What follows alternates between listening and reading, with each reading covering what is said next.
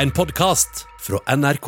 Vi tar for oss en klassiker i dag fordi en får liksom aldri svaret eller løsningen på det som ekstremt mange par opplever, og det er sextørke. Det går måneder, og det går år der den ene partneren, oftest kvinnen, er null interessert i sex, og mannen går for lut og kaldt vann. Egon Hagen. Er dette et problem som faktisk ikke har en løsning? Det bare er sånn? Jeg hørte et sånt bilde en gang at hvis du tok la en tier oppi et syltetøysglass første året du var sammen, hver gang du hadde sex, og så brukte du resten av ekteskapet å ta ut av den, så ble det aldri tomt. Så det er, det er, altså det er litt flåsete kanskje, men det tangerer vel kanskje litt grann av den der at uh, det er liksom den der sånn, vår, sommer Så kommer det én og to og tre unger, og menn har fått filt over dette siden tidenes morgen så blir det sextørke, og det kan ta lang tid. Ja, altså det, Mye psykologisk surr kommer jo av urealistiske forventninger. Så det er på en måte å være litt forberedt akkurat i denne småbarnsalderen, så er det kanskje litt mindre sex for mange enn det er for, for andre. Jeg har snakket med menn som sier det har gått mange år ja, men, uten sex. Ja, men, Skal du finne deg i det? Nei, jeg syns ikke det. Jeg har aldri greid å være i et forhold i mange år uten sex i det hele tatt. Veldig mange menn har måttet finne seg i at det går ekstremt lang tid må de bare vente til det går over, eller hjelper det å snakke om? For jeg opplever, de jeg snakker med, at uh, det eneste du oppnår med å snakke om det, det er at du er, det er større forståelse, men ikke mer sex.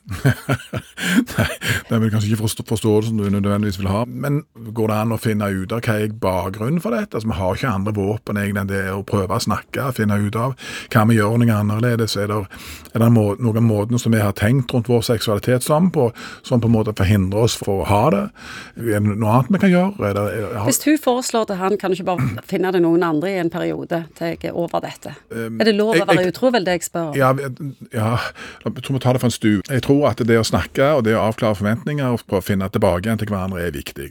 Og så kan det òg være uttrykk noen ganger for at faktisk at eh, det som var en gang, det er vekke.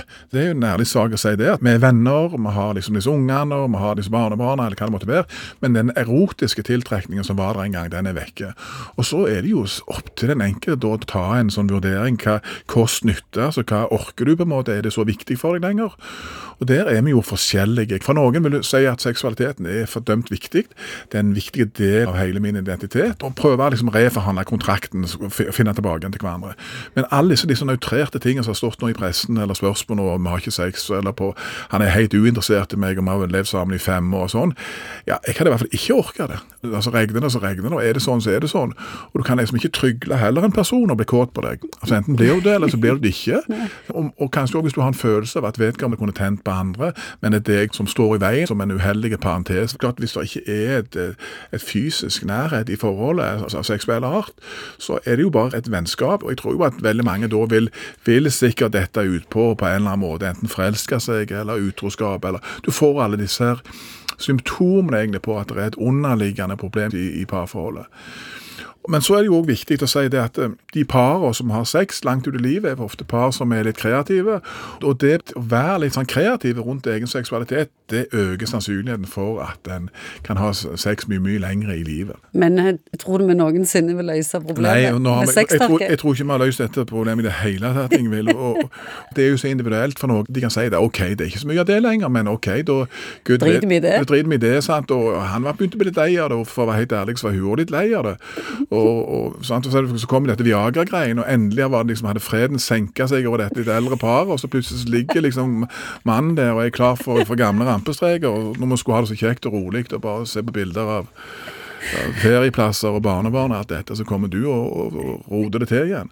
Så det er ikke helt lett, dette. Men det er jo et seriøst tema, men vi greide sikkert å behandle dette relativt useriøst, men OK.